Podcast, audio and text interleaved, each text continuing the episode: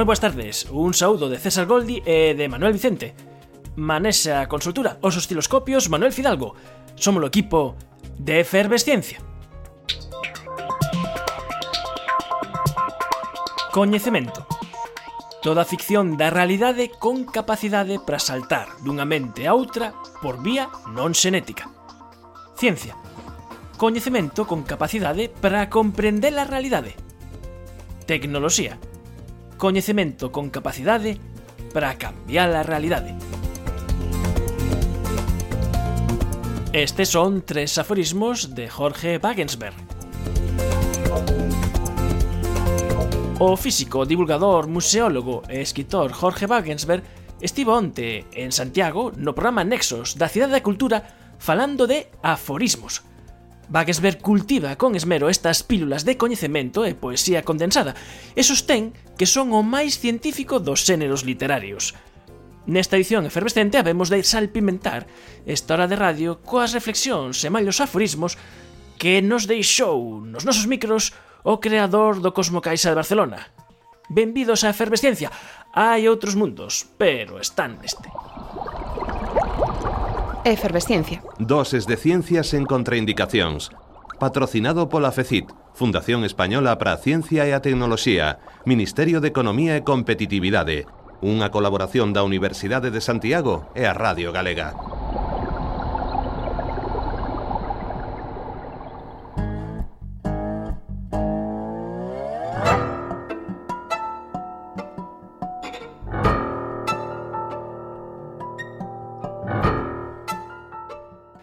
Es lo mismo que puede ocurrir con un cuadro o una película. Eh, hay una sensación de comprensión y se provoca lo que a mí me gusta llamar como el gozo intelectual. El gozo intelectual es el placer de pasar a comprender algo nuevo, de adquirir nuevo conocimiento. Eso quizás es uno de los placeres más grandes que desgraciadamente no crea adicción.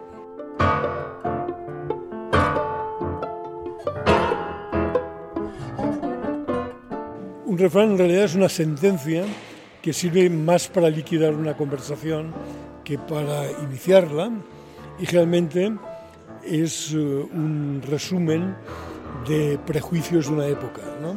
Por esto, eh, trabajar con la razón es lo contrario. Lo primero que tiene que hacer es acabar con los prejuicios.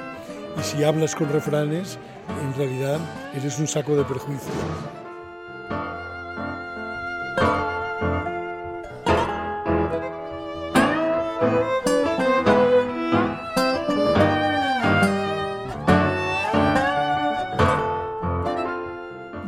Viejo dilema de qué fue antes el huevo o la gallina hace tiempo que tiene solución. Fue el huevo, pero no era de gallina. Bueno, yo creo que es difícil sintetizar mejor qué es la selección natural y la evolución de las especies de Darwin. Porque si un huevo de gallina diera siempre una gallina, pues ahora seríamos todos bacterias. Con lo cual ya tienes dos aforismos por el precio de uno.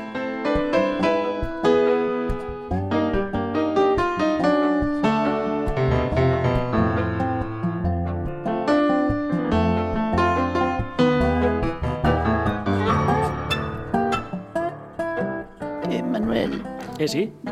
Pásame el guión. Mira, aquí ten. A ver. Es que está interesante. Sí, sí. A mí me gustaría que, antes de empezar, que a xente... Eu teño aquí unha pregunta, non sei se vostede sabe. Mira, os que fan... Mira, no, que estaba lendo. Eu, eu eh, estaba pensando que os que fan as estradas, estes, os enseñeiros que fan as estradas, sí. cando fan unha curva, que mm. terán que facer? De, de curvatura constante ou curvatura variable? Non entendo nin pa jolera idea pois, de que estás falando. Bueno, que a xente pense que a xente pense que cando fan unha estrada... Home, que a xente pense interesante. Se, se, se, pero... O radio de mm. curvatura ten que ser sempre eh, igual, constante, ou ter que ir cambiando? Como se traza mellor a curva?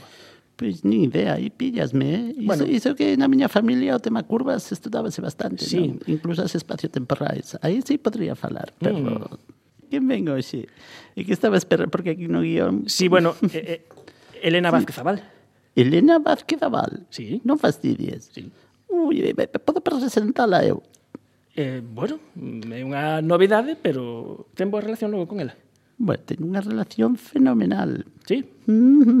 Somos mulleres, as dúas. Está moi ben traída hoxe Elena Vázquez Aval ao programa, porque a semana que ven é o Día da Muller Traballadora, non sei se o sabes. Eh, sei, non sei, non. Pois, pois deixo, nada, eh, deixo os mandos. Todos, son todos de vostede. Música Señoras e señores, efervescentes todos e todas, con todos vostedes a señora das curvas. As curvas máis sexys da historia da ciencia pasen e toquen. comproben as mellores curvas matemáticas que existen no mundo e no universo.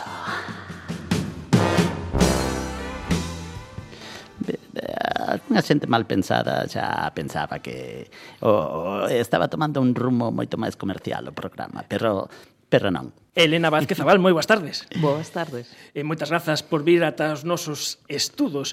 Elena Vázquez Abal, que é profesora na Universidade de Santiago de Matemáticas na área de Xeometría e Topoloxía.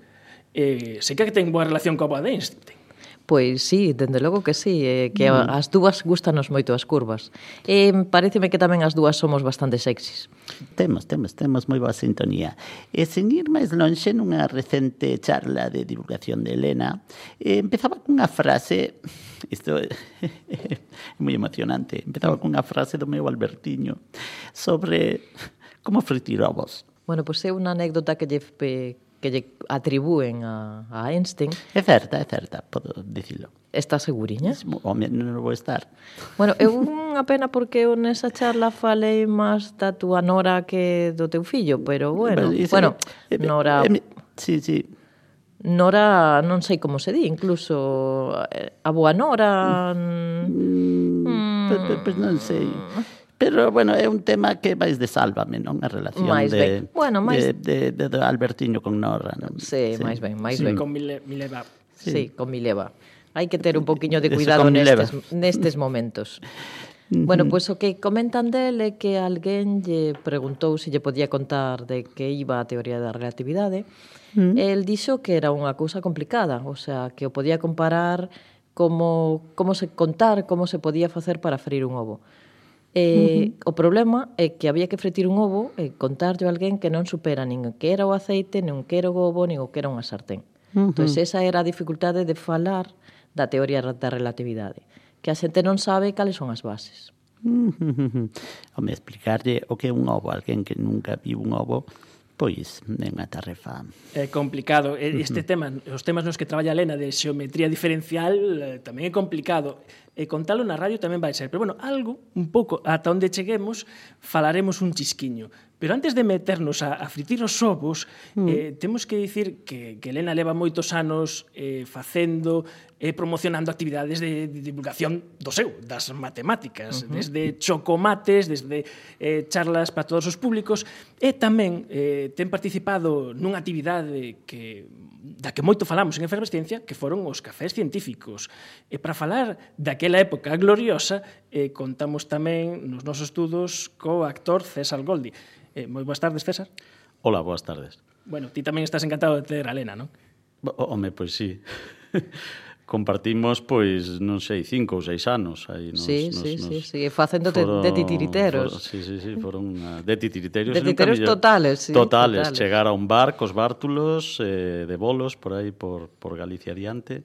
E eh, percorrendo facendo divulgación per, científica. Percorrendo todo o país percorrendo todo o país con unha mm. silla de rodas, o sea, é unha cousa sí, levar sí, unha sí, pantalla sí. para proyectar, pero levantar a pantalla, os disfraces, e aínda por riba a silla foi difícil. Sí, non, e ademais eu aprendín, aprendín moito non só de ciencia, senón o ir con Elena, pois aprendín moito de, de, dos vamos, dos, dos abismos que existían para ela que para nós pasan desapercibidos, non? A, a carencia que hai, bueno, de accesibilidade en, en na maioría dos, dos locales públicos deste, deste país. As, cousas as cuestións de accesibilidade que son moi importantes, de feito, uh -huh. eh, cando invitamos a Elena, ela pensou, onde Onde tedes os estudios? A ver, é accesible, non é accesible? Neste caso, uh -huh. eh, perfectamente accesible, pero é unha necesidade da que non nos decatamos ata que nos vemos nesas ou ata que temos un neno pequeno, unha persoa maior ou unha persoa con unha discapacidade, non vemos o importante da accesibilidade sí. para todos. Sí, por suposto que sí, ata que a xente non tenga experiencia en carne propia non se dá de conta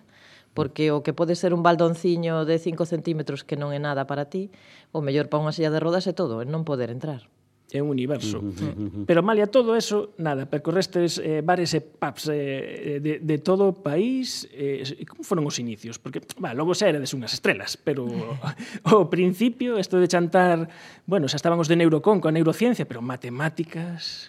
Tú non te podes dar unha idea a, a sensación de peligro que eu sentín cando me... Com, me comentaron isto pola primeira vez. Non tiña nin idea de por que iban a xunto de min, e xa te podes decir o, o punto de aventura que era facer unha cousa como esa. O sea, pasa que eu pareceme que estaba un pouco loca. Ainda que eso sí, non me arrepinto e penso que as unha das experiencias máis maravillosas que teño feito na miña vida laboral e persoal. Sí, sí, Pasei no aí, en grande. Eu coincido aí tamén, sí, sí, sí. sí. Aprendimos, eu aprendín mm. cousas de teatro que era unha preciosidade, cousas de neuroloxía, cousas de matemáticas, cousas da xente, e pasámolo moi, moi ben. E vos farían preguntas de todo tipo? De todo tipo, de todo tipo, que non te podas nin imaginar, desde os nenos pequenos, cando lle preguntabas cal era o número máis grande, pois pasaban dos minutos dicindo números, ¿no? ata nenos moi pequerrechiños que lle preguntaban e decían infinito, ¿no? ata preguntas totalmente insospeitadas acerca das matemáticas, ou unha vez que estuvemos en Vila García, estuvemos, eh, creo que era un Ateneo ou algo por así, e había mm. moito mm. mariñeiro, e nos falamos moito de cuestións de mapas. E se ves as caras de orgullo que tiñan aquelas personas oindo a falar a xente da universidade, que para eles éramos así como un pouco, pois, suena mal, pero como semidioses, falando de cousas que eles coñecían, sentíanse absolutamente satisfeitos e despois va ver caras de asombro cando comentabas algo que a xente nin se imaginara. Realmente é precioso, o sea, dar clase para min é algo maravilloso, pero dar clase, decir, enseñar cousas a xente que efectivamente ten ganas de aprender e que se asombra, e que podes ver nas súas facianas o que o asombro é unha verdadeira maravilla. Home, e tamén despois había xente que que vías moita xente que que padecía eh, o, o seu gusto pola ciencia en silencio, non? E aí pois eh, porque normalmente nos bares pois falase de fútbol, e, e, e pouco máis en moitos ámbitos. Foi eh, unha xustiza non. poética, non? Entón, aí tiñan tamén ocasión pois de ante o asombro dos seus coñecidos de demostrar as cousas que sabían e, bueno, e as inquedanzas que tiñan en torno en torno á ciencia. Ah, boa. Estou moi nerviosa, Manuel. e que César Goldi é tan guapo. Bueno, bueno, bueno. Bueno, que saiba que, que César Goldi, se quere velo en acción, está agora cunha obra eh, Goldi Libre. Eh, que... Ai, sí, sí, estou seguindo a súa carreira, podo anunciálo eu. Eh, sí? Sí, mira, vai a estar na sala en Grávida, en Porriño, os días 17 e 18 de marzo, co seu espectáculo autobiográfico no que relata o seu paso polo cárcere, cando foi insumiso Eh, e na sala en grávida de Porriño, xa o dixen, os días 17 e 18 de marzo, Goldi Libre. Mm, Goldi Libre, a min encantoume, e non porque estés aquí, eh, Goldi. Bueno, home, pero podes dicilo. É, é certo, eh, é, bueno, é certo, eu son eh, fan e, e admirador. Bueno, eu tamén son unha gran fan de Goldi. Mira, eh, Eh, eu teño aquí un papel que ti xa coñeces, eh, Elena, que, bueno, teño que facer preguntas que se estará facendo a audiencia e que, mellor, son un pouco incómodas, porque ti falabas de que pasabades moi ben nos, nos, nos cafés científicos. Eh, eu quería preguntarlle a Goldi e, eh, se si hubo algún momento no que pasou especialmente mal, porque nos bares hai de todo. Bueno, pois hubo... Houve un día que non estaba Elena en Allariz, que había un tipo que era, bueno, parecía o personaxe aquel que facía Jordi Évole no sí. en no programa de Buena Fuente, el follonero, o, o el follonero, non? Pero foi tan follonero, tan follonero que que que mira, que eu teño experiencia en estar en teatros e que a xente lle sonen os móviles e que incluso fale polo móvil e sempre me fago avión. Pero aquí ao final, pois lle chamei a atención aos señores e lle dixen que por favor, se si volvía a asistir a un café científico, pois que, que, que, que se cortase un pouco, non? Eu marchei, e, e os compañeiros do Café Científico que se quedaron esa noite pois de copas por ali por Allariz e tal, dixéronme que ese individuo me andaba buscando por todo o pueblo pola noite pois para dicirme algo máis que, que palabras, non? Entón, pois sí, eh, non só en nos tempos de Copérnico era perigosa a, a divulgación científica, tamén no, no século XXI tamén pode chegar a serlo. Bueno, unha cousa que se vai aprendendo, que se vai mellorando, bueno, e os públicos hai nos eh, para todos os gustos Eh, eu vou poñer aquí, vou inventar un chiringuito aquí en riba da mesa. Pon unha cara a Elena de que onde me sí, estou metendo, pero bueno, ten, vamos. Ten. Es que eu quería facer unha cousiña, un experimento con isto. Precisamente, eh, casualmente, teño aquí eh, auga sabonosa. Teño que aquí, todo o mundo ten nos seus estudios sí, radiofónicos. Sí, sí, sí. Que aguas. todo o mundo... Ah, boa, bastes que... Bastes, mm -hmm. bueno, realmente, polo que eu vin, eh, pois... Can, mm, realmente o que é, o que vou facer agora, Eh, bueno, vai... a, a xente mellor pensa que tes aquí un mogollón de... Nada, teño un plato de, con... En Lermellers e cousas desas e nada. Un, un plato, un con, plato, agua, con agua con xabón. Mm, como os que se usan para os gatos, para darlles Exactamente. E agora acabo de facer o que técnicamente é a pompa. A pompa é superficie plana. Non, ah, está... Non, non, a pompa, non a pompa ainda non está. Mira, está, ahora, ahora. Ten, ten como unha especie de lazo de vaqueiro, pero así de... Eh, eu, eu polo que sei... Un redondel. Ah, aquí temos pompa e cando soplamos é burbulla. Sí, eh, agora vemos a película. Bueno, pero é que... E o, o borde da película é a ah, circunferencia que fai o, o a xente, arame. A xente estar alucinando. Sí. bueno, de, sexa como sexa. Cando os nenos fan este xogo, e teño un aro, e, vamos... Eh, Deixademe sí, sí, decirlle sí. un pouco... Manuel o que ten neste momento sí. é un aro feito con un alambre, Eso, non? un aro circular, e con unha especie de agarradero que meteu dentro dunha superficie de xabón. Así de simple. Eso, cando o saca para fora, o único que obtén, matemáticamente, é un círculo. Ajá. Vale? Pero ti podes facer ah. pompas sin necesidade de que o exterior sexa así redondo. Podelo doblar Ajá. e podes facer unha pompa tamén, unha película, que mm. ten a mesma propiedade que isto. Vamos a intentalo. A ver, a ver, que vai facer? Vamos a intentalo. O se... sea, vai deixar de ser un círculo plano. Claro, vai... Exactamente, vai ah. deixar de ser un círculo plano. Podes facer calquera cousa aquí. O malo é que non... non cons... Despois non poderemos volver a facer o círculo, Elena. Aí está, aí está, aí está. Ves? Aí va. Isto tamén ten as mismas propiedades sí, co anterior. Sí, sí, sí. O sea, o círculo para que eh, os oites o vexan na súa, no seu machín, e o círculo está completamente destrozado. Destrozado. Seja, pero, pero hai película. Hai, hai película. película. Quere decir que esa película é flexible, é flexible. E, e, e, se, e, e se adapta. Uh -huh. e, e, para, para os matemáticos sí, sí. é a mesma cousa bueno, a mesma cousa non é, é un problema é diferente porque o que estás variando, digamos, que nos lle chamamos a fronteira do problema, Ajá. que sería neste caso o fío ou alambre que estamos movendo. Mm. Si tú colles ese fío ou ese alambre, lle fas una como un dibuixo que sea unha circunferencia, uh -huh. cando metes, pois vas a obter un círculo. Se ti o cambias ou retorces, vas a ter outra superficie que ten propiedades similares. Uh No? Uh -huh, Digamos que o que lle chamamos nos superficies minimais a y, todas as que se fan desta maneira. E estamos estamos xogando con pompas de sabón, que pode facer que quera na casa, na casa e podemos explicar que, por exemplo, por que as pompas de, eh, de sabón ou cando soplamos esas burbullas que se forman porque son esféricas. Home, porque a natureza é moi simétrica, No? O sea, mm, sempre tende a facer as cousas con mínimo esforzo. Entón, a maneira de ter máis contido con unha superficie máis pequena é meter as cousas dentro dunha esfera. E tamén, como é moi cómoda, prefire as cousas que non teñen moita tensión a aqueles cousas que teñen moita tensión.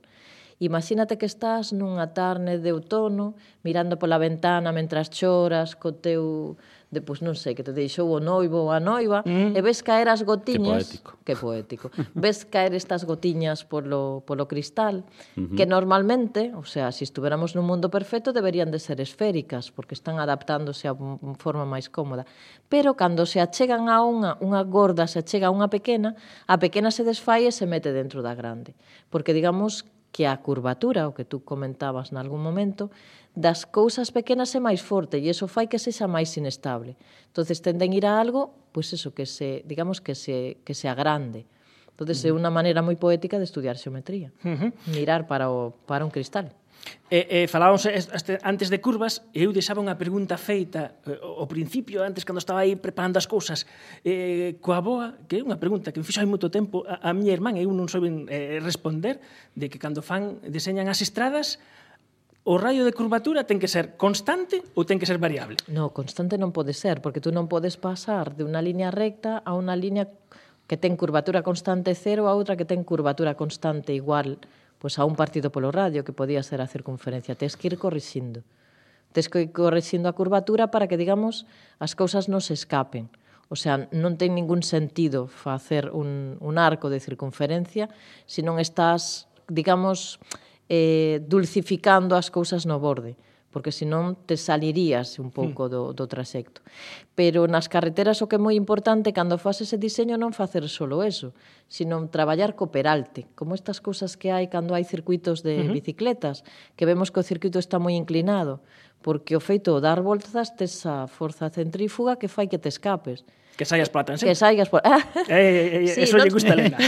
non sei se vos recordades antes a caracter... Bueno, Elena era, era un crack, eh, eh, unha persona moi ingeniosa.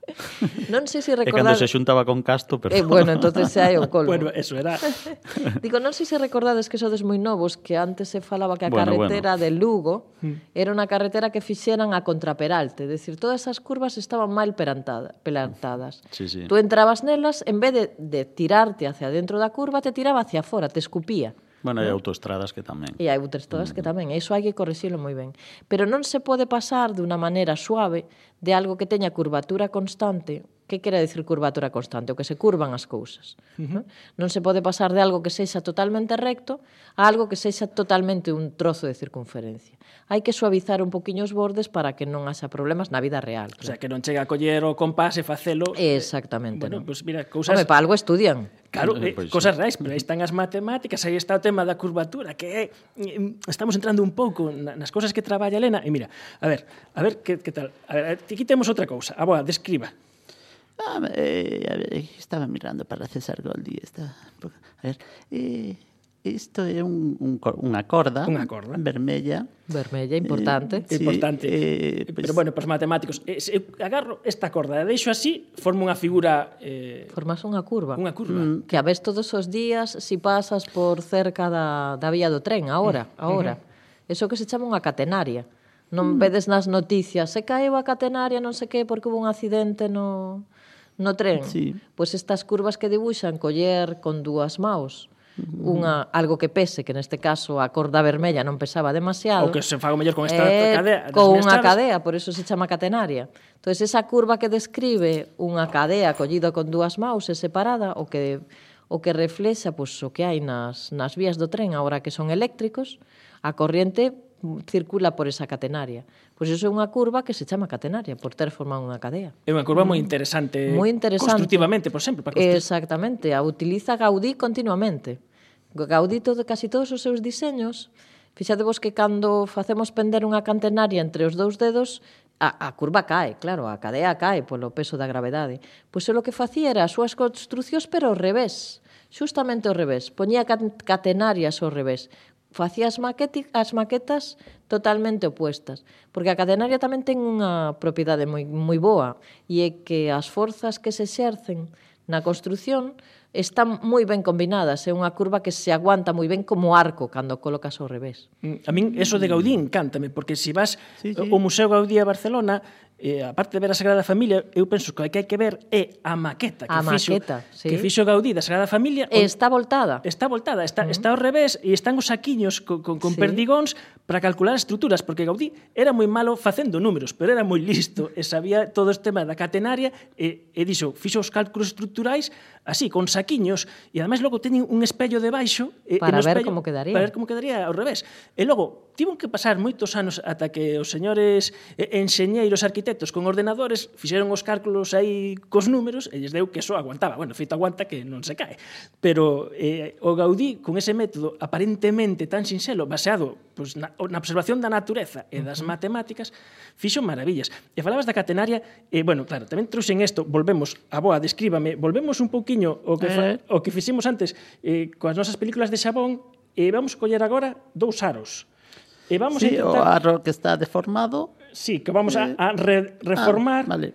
Ímolos... Ah, ímolo, pues, do, dous aros e a dicir perfectos. Perfectos, pero bueno. que se rompimos. Veña, imos imaginar que son perfectos. E, e os intentamos separar e se nos forma unha película ah, que, este, que a Elena seguro que lle fascina, verdad, Elena? Sí, eh, é unha figura que fan moito estes, estes showmans que, este. que, que, que traballan con pompas, que son dous arros, eh, os vas separando eh, formase como un... Como un diablo, por exemplo. Sí, un diablo, efectivamente. Poñete.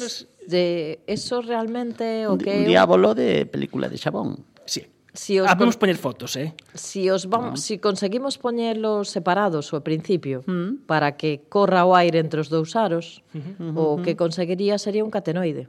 Ajá. Vale? Que tamén é unha superficie que, que ten unha propiedade moi especial. Que mm. fixade vos, antes tiñamos unha catenaria, Uh -huh. Ben? E se a catenaria a facemos girar por un eixo que non a conteña e que, digamos, pues, este ben colocado, pues conseguirías unha figura como esa, que sí, realmente como un diábolo. Estas cosas se parecen Catenoide. moito, por exemplo, o hiperboloide tamén. Eh, uh -huh. Suena rarísimo, pero podedelo ver, por exemplo, nas, nas chimeneas das centrais nucleares aquí, ah, ou sí, das centrales térmicas. térmicas sí, vale? sí, sí, sí. Que, que asociamos nas chimeneas das, das centrales nucleares, asociamos que a cousa radiativa está por aí, pero só é un disipador de vapor, nada eso máis. Eso solamente un disipador de vapor. Sabedes o que ten eso? Non, non a, o, o catenoide, pero o hiperboloide se ten unha cousa boa que na construción eh, é moi útil todas as cousas que se poden encofrar Uh -huh. Vale, por exemplo, unha esfera non se pode encofrar, non hai maneira de facer un encofrado para que che salga unha esfera perfecta.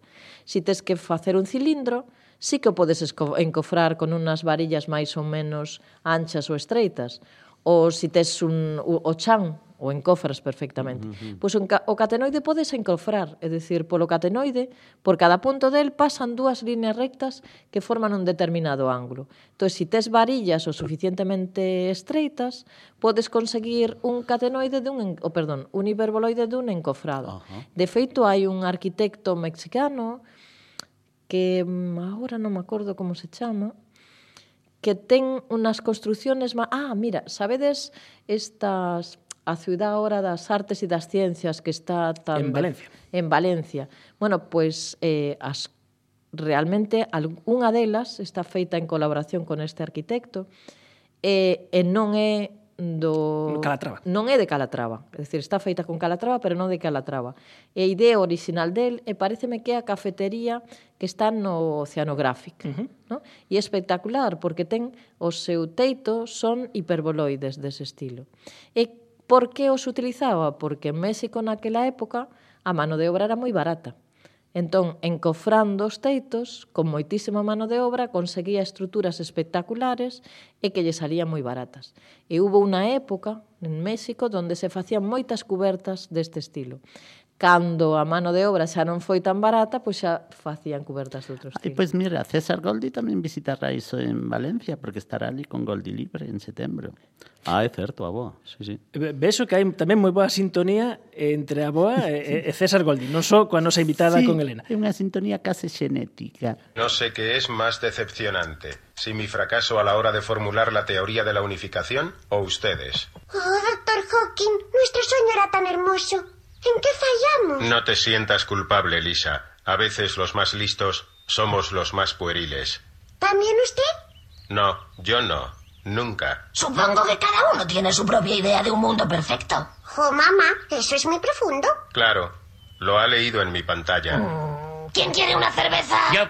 Es lo más inteligente que he oído en todo el día. Su teoría de un universo con forma de rosquilla es interesante, Homer. Tal vez se la plagie. Moskis, no puedo creer que un tipo del que nunca oí hablar esté bebiendo con un tipo como yo. A teoría do universo en forma de donuts de Homer Simpson porque o universo ten unha xeometría. E houve un matemático, eh, Riemann, que foi o que deu ese sustento para que logo viñese o, o seu o seu neto a facer a teoría eh, da relatividade, e se non chega a ser por por Riemann, pois non sei, o mellor Einstein faría outras cousas. Sí, bueno, pero non sabemos aínda a forma que ten o universo. Podía ter forma de rosquilla, perfectamente.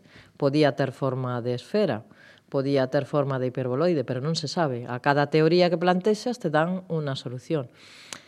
Que sucede? Que se si fose como unha, como unha rosquilla, vería propiedades moi especiales, non? O sea, se si tuveras moito tempo no mundo e te pos andar nunha dirección adecuada, é dicir, na dirección onde cortas a, tor a, a rosquilla en dous, desas podías despois de, pois pues, claro, non se sabe, o universo é moi grande, pois pasar tempo e tempo e tempo, pero volverías ao mesmo lugar, vale? O mismo que se pasara nunha esfera. O que pasa que aí tes dúas direcciones onde nunha tardarías moito máis e outra tardarías moito menos. Pero hai moitas teorías acerca de cal é a forma do universo. Cal é a forma do universo. Eu leras hai moitos tempos unha historia de divulgación de Martin Gardner que decía que se o universo fose eh, unha banda de Moebius, non sei se é unha banda de Moebius, unha banda de Moebius invertida, que podemos dicir logo un chisquiño o que un viaxante que, que fixese ese, ese percorrido eh, por todo o universo, por toda a banda de Moebius, logo o mellor o volver volvería, volvería cabeza abaixo. Cabeza abaixo. sí. Si fose así, claro que sería. pe, pe, pero mira, para vos que os, os que andades cas, cas xeometrías semi semirrimanas, eh, Riman debe ser como unha especie de deus, non? Más ben, sí. Sí, mira, ben. contanos eh, como Gauss, que era o seu profesor, lle puxo as cousas difíciles o amigo Riemann cando se presentou a súa praza para habilitarse como profesor para a universidade. Home, supoño que as ideas de Riemann no seu momento tuveron que mm. ser eh, peliagudas, non? O sea, porque facía... Sí, iso conta no alén, el ah. porque facía plantexamentos que, digamos, eran avanzados para a súa época. O que mm-hmm. pasa que máis ben o que non pode vivir sin Riemann é Einstein. Non, non pode vivir sin ele, aínda que non tome solamente as teorías rimanianas, sino as pseudo-rimanianas, como ti dis, uh -huh. ese plantexamento é absolutamente necesario. Realmente, mm, aínda que é algo moi complicado, é pensar que estuveramos poidendo vivir en dimensións máis grandes que as que estamos agora. Todos estamos acostumbrados a ver superficies onde estamos en, no espacio, bueno, acostumbrados. Uh -huh. Son inventos que existen, pero todo o mundo pois pode pensar o que é un cilindro, o que é unha esfera, o que é un cono. Bueno, pois el eh, o que fixo foi plantexar algo similar ao que hai aquí, pero para dimensión 4, dimensión 5, uh -huh, dimensión uh -huh. 6, etc, etc, etc. E ademais construir unha teoría e unha formulación que poidera servir de cama para as teorías de Einstein, uh -huh. co cual se poidera probar todo isto. Isto é moi, moi importante. Axudado tamén por outros matemáticos, matemáticas da, da escola italiana, por Cristofel, eh, Mainardi, hai moitísimos matemáticos que construíron unha teoría que pudo facer que a teoría de Einstein se poidese ler matemáticamente. Uh -huh. E aí volve a estar a nosa muller de Einstein olvidada. Mm. Xa temos aí unha débeda pendente, este estas cosas algún día falaremos Hai que contalas, hai sí, que contalas. Sí, hai que contalo. Hai que facer un alén con Albertiño. Sí, pero xa non temos tempo para máis, oh. porque estivemos aquí a liar entre matemáticas e agora si xa entrábamos en outras bueno, dimensións. Outro, outro día nos conta a anécdota de Gauss. Eh, ou bueno, ou, ou facemos o programa noutra dimensión ou nos botan de aquí. Ou sea, non temos sí. non temos outro apaño. Eh, sí. Pero unha última preguntiña. De, de, adiante. Eh. Sí, porque eh, Elena, aparte da súa faceta como divulgadora, eh, bueno, mm, eh, a, a dos cafés científicos, supoño, e comezou a descubrir a súa faceta de artista. Ou a mellor xa tiñas descoberta antes.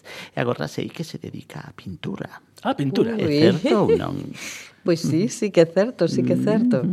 Dedico sí, sí, a, a acuarelas. É certo. E, fe, e felicita o Nadal con, con, Ai, sí, con pinturas. Ai, sí, tamén é certo, sí. e, e, ten tamén inspiración científica?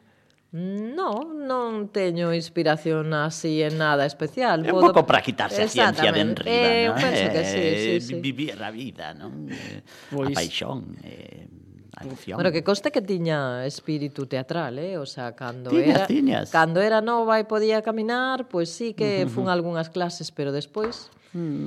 Bueno, ela, ela era máis simpática que eu nos cafés científicos. A xente estaba de, desexando que eu deixase de actuar Mentira pa, pa cochina, mentira bueno, cochina. Entramos aquí na fase de piropos. Tiñades que ver todos a Goldi con un tricornio falando do golpe de estado de 23F, o sea, sí, que lo sí. era mundial. No, empezaba falando diso e remataba falando de de se as mazás eran realmente intelixentes. Sí, señor. Eh, despedímonos. Moitas grazas, eh, César Goldi, por acompañarnos. Grazas, grazas. Eh, eh, Elena, pois foi todo un placer pois eh, terte aquí nos nosos estudos e, bueno, ahora xa te capturaremos tamén algunha que outra vez. Moitas grazas. Vale, gracias a ti. Veña, dous bicos, César Goldi. Mua, mua, Só dous, a boa, quieta. Mua.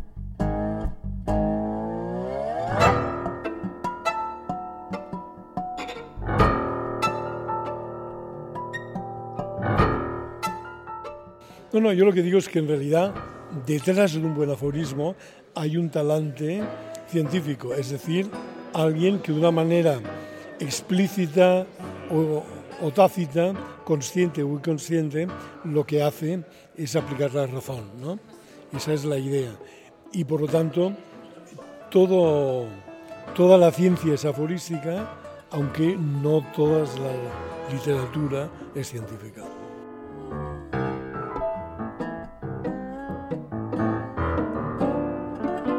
Por ejemplo, cuando eh, quiero explicar cuál es la esencia de la teoría de la relatividad, pues eh, lo que hago es explicar dos o tres aforismos, sobre todo uno, y es que una ley fundamental de la naturaleza no puede depender del observador, no, no puede depender de quien la mira.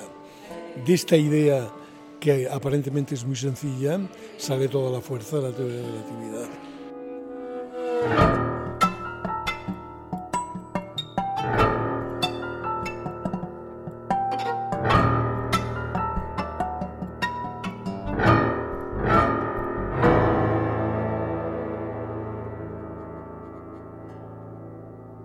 Favor de poner su atención en la primera cláusula porque es muy importante. Dice que la parte contratante de la primera parte será considerada como la parte contratante de la primera parte. ¿Qué tal? Está muy bien, ¿eh? No, eso no está bien. ¿Por qué no está bien? No lo sé, quisiera volver a oírlo. Dice que la parte contratante de la primera parte será considerada como la parte contratante de la primera parte. sí. Esta vez parece que suena mejor. A todo se acostumbra uno. Si usted quiere, lo leo otra vez. Eh, tan solo la primera parte. ¿Sobre la parte contratante de la primera parte? No, solo la parte de la parte contratante de la primera parte.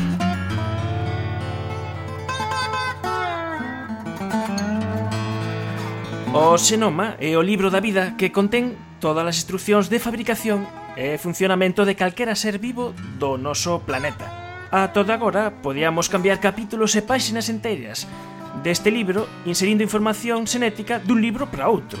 E desta forma creamos un organismo transxénico.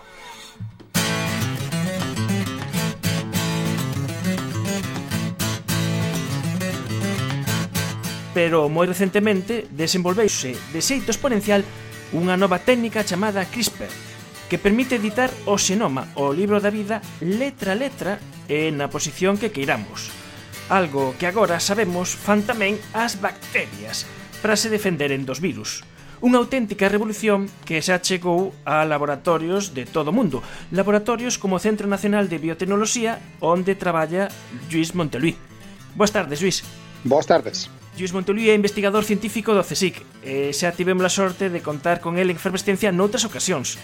E na última delas contounos como fai nos seus estudios sobre o albinismo e como están empezando a utilizar ratos avatar creados coa tecnoloxía CRISPR-Cas9. E chamamos a Luis porque sigue moi de preto a actualidade do CRISPR. E a min se me preguntan eh, cal é a nova máis importante no mundo da ciencia das últimas semanas non me iría os exoplanetas, ese novo sistema solar, senón a primeira solución da Oficina de Patentes Americana sobre unha importante disputa que hai sobre os dereitos de explotación do CRISPR. Non sei que opinas ti, Luis.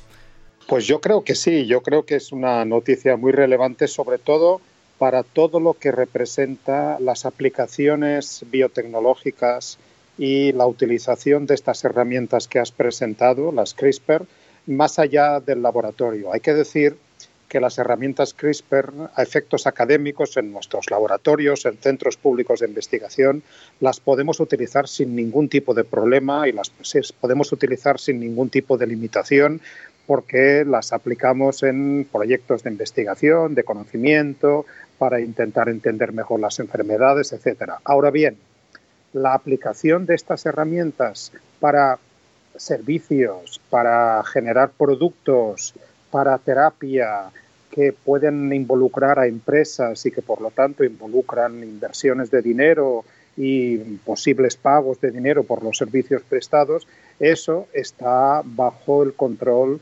de patentes, patentes que fueron solicitadas en el año 2012 y que fueron solicitadas por dos eh, grandes organizaciones que empezaron un litigio cuyo primer capítulo creo que se ha cerrado ahora. Eh, para comprender esta historia, entón, temos que eh, comprender cales son os protagonistas. Digamos que hai empresas creadas por diferentes institucións, eh, por un lado eh, están eh, Manuel Carpenter e Dovna, que son eh, investigadoras que, que recibiron eh, o Premio Príncipe de Asturias de Investigación, que defenden eh, os seus intereses na Universidade de California, e por outro lado está o Broad Institute, que eh, presentou outra patente, FENZAN, e son os dous intereses que os dous intereses contrapostos que hai. Bueno, básicamente lo que sucedió es lo siguiente, para que todos lo entendamos. En, eh, en Estados Unidos esto se suele simplificar entre la costa uh, oeste, que sería la Universidad de California en Berkeley,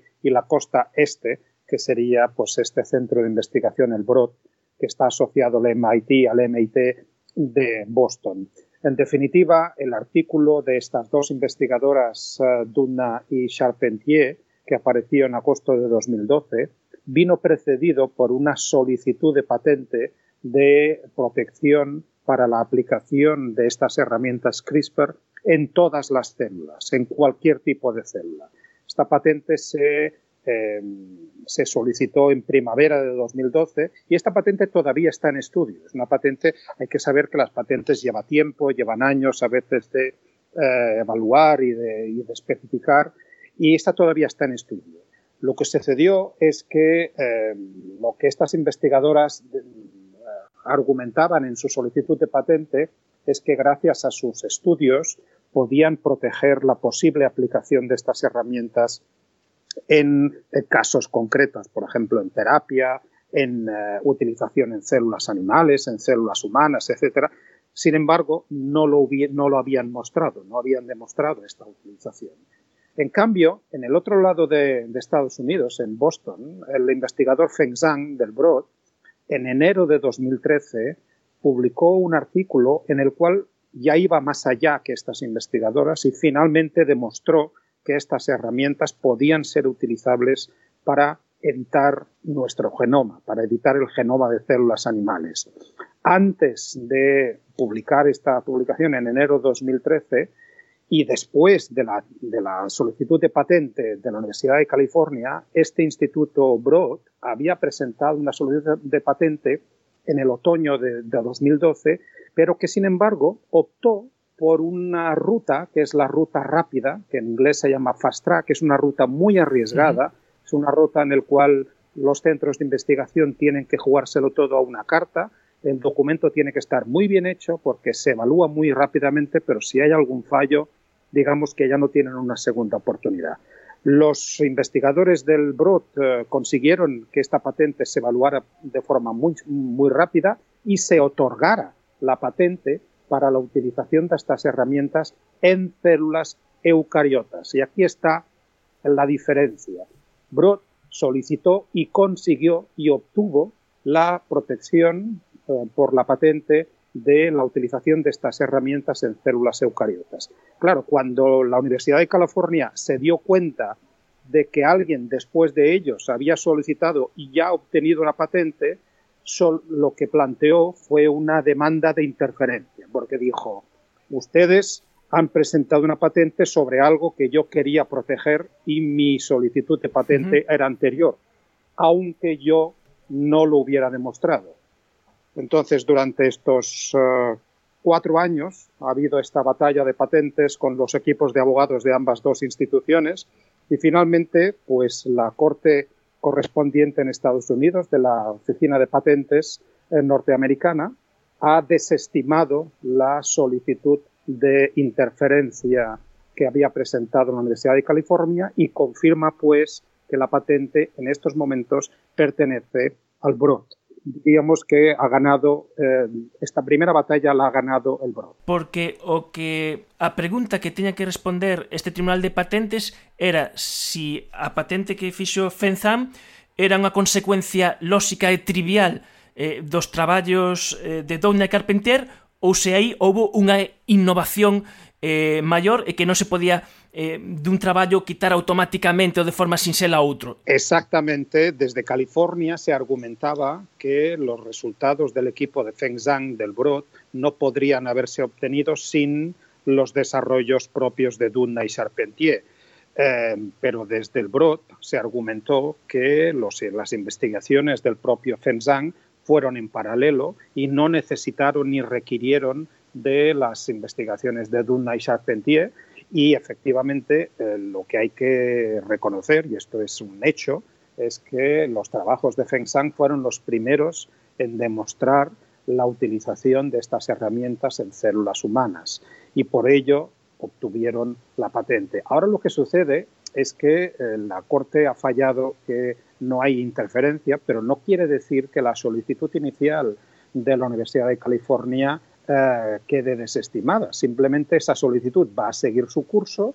Si todo va bien, eventualmente se va a poder otorgar y ahí tendremos un segundo problema porque recordemos que la solicitud de patente de la Universidad de California es más general, cubre todas las células de cualquier organismo, mientras que la que está en estos momentos otorgada solamente cubre las células eucariotas, para entendernos las células de mamíferos, las células humanas, las células de ratón, etcétera, pero por ejemplo no cubriría eh, investigaciones de CRISPR hechas, por ejemplo, en bacterias. Y entonces la pregunta que está todavía no resuelta y que probablemente crea una inseguridad jurídica y como bastantes eh, investigadores hemos dicho, lo que va a producir es problemas a nivel de la organización de las empresas biotecnológicas, es que si en un futuro se otorga la patente también a la Universidad de California, una, una empresa que quiera eh, aplicar estas herramientas en células eucariotas, es posible que tenga que llegar a acuerdos de licitación, de licencia, tanto con el Broad como con la Universidad de California. Con lo cual, eh, no podemos decir que con, esta, con este fallo se concluye la guerra de patentes que había abierta entre estas dos grandes instituciones, sino que simplemente se ha acabado la primera batalla y quedan otras más por lidiar. Y espero que se resuelvan cuanto antes, porque realmente eh, se da la situación, creo yo, hasta cierto punto ridícula, estas herramientas son extraordinariamente útiles y están generando muchísimos desarrollos e innovaciones a nivel académico, donde no tenemos ningún problema para utilizarlas, pero no se están pudiendo utilizar todo lo que podrían utilizarse en las empresas porque las empresas todavía no saben a quién tienen que pagar la licencia, a quién tienen, con quién tienen que hacer el acuerdo. Por el momento es el BROT el único que tiene la patente otorgada, pero pronto va a ser probablemente también la Universidad de California. Por lo que Lin, eh, este resultado puede mm, chegar a mm, que aconteza unha especie de,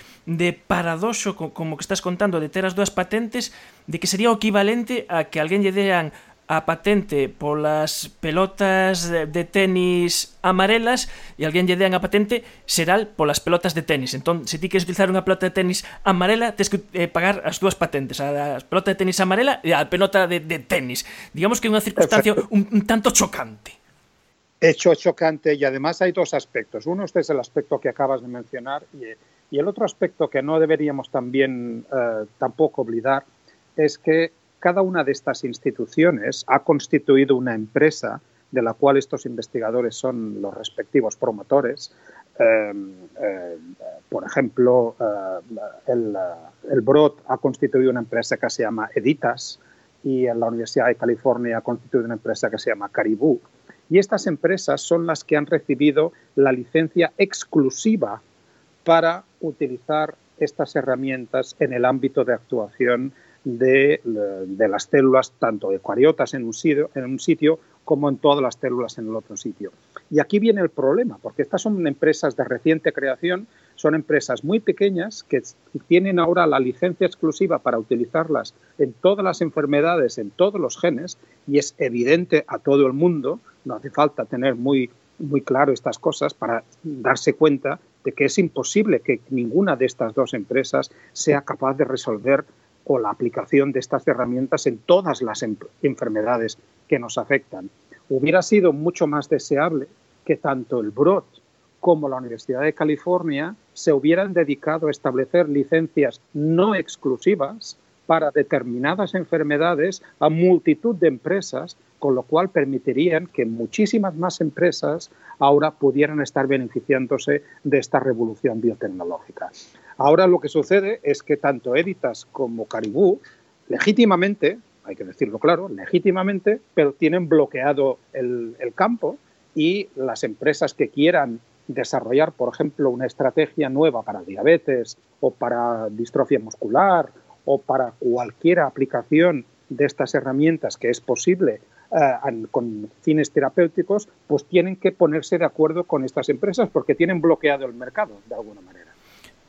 probablemente eh, si eh, estas dúas iniciativas en vez de emplear unha estrategia de confrontación empregasen unha estrategia eh, de colaboración eh, e eh, de repartir un pouco eh, digamos esta, esta torta probablemente avanzaría moito máis rápido a, a posibilidade de que empresas pudesen traballar con esta tecnoloxía do CRISPR.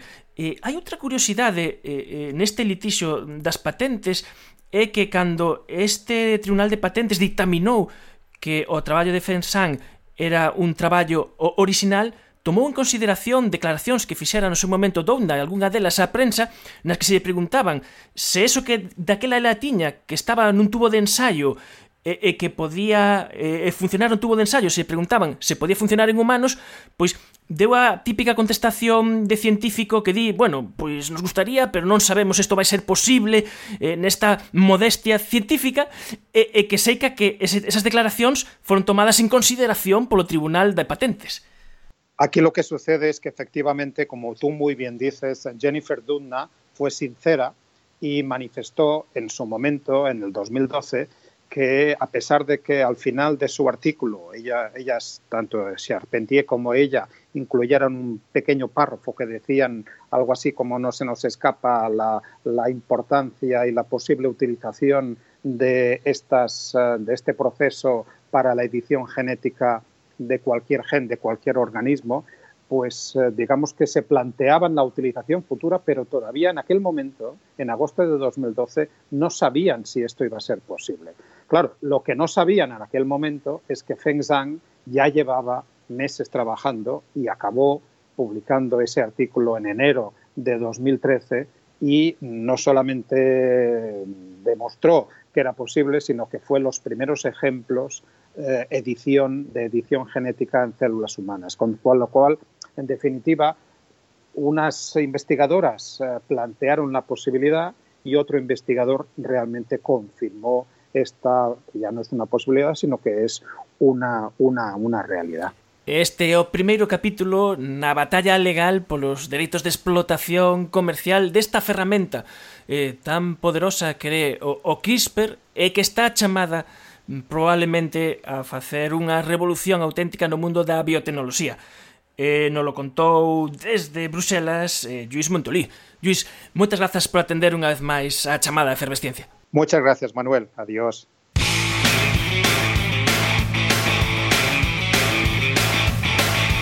Efervesciencia. Patrocinado pola FECIT, Fundación Española para a Ciencia e a Tecnoloxía, Ministerio de Economía e Competitividade, unha colaboración da Universidade de Santiago e a Radio Galega.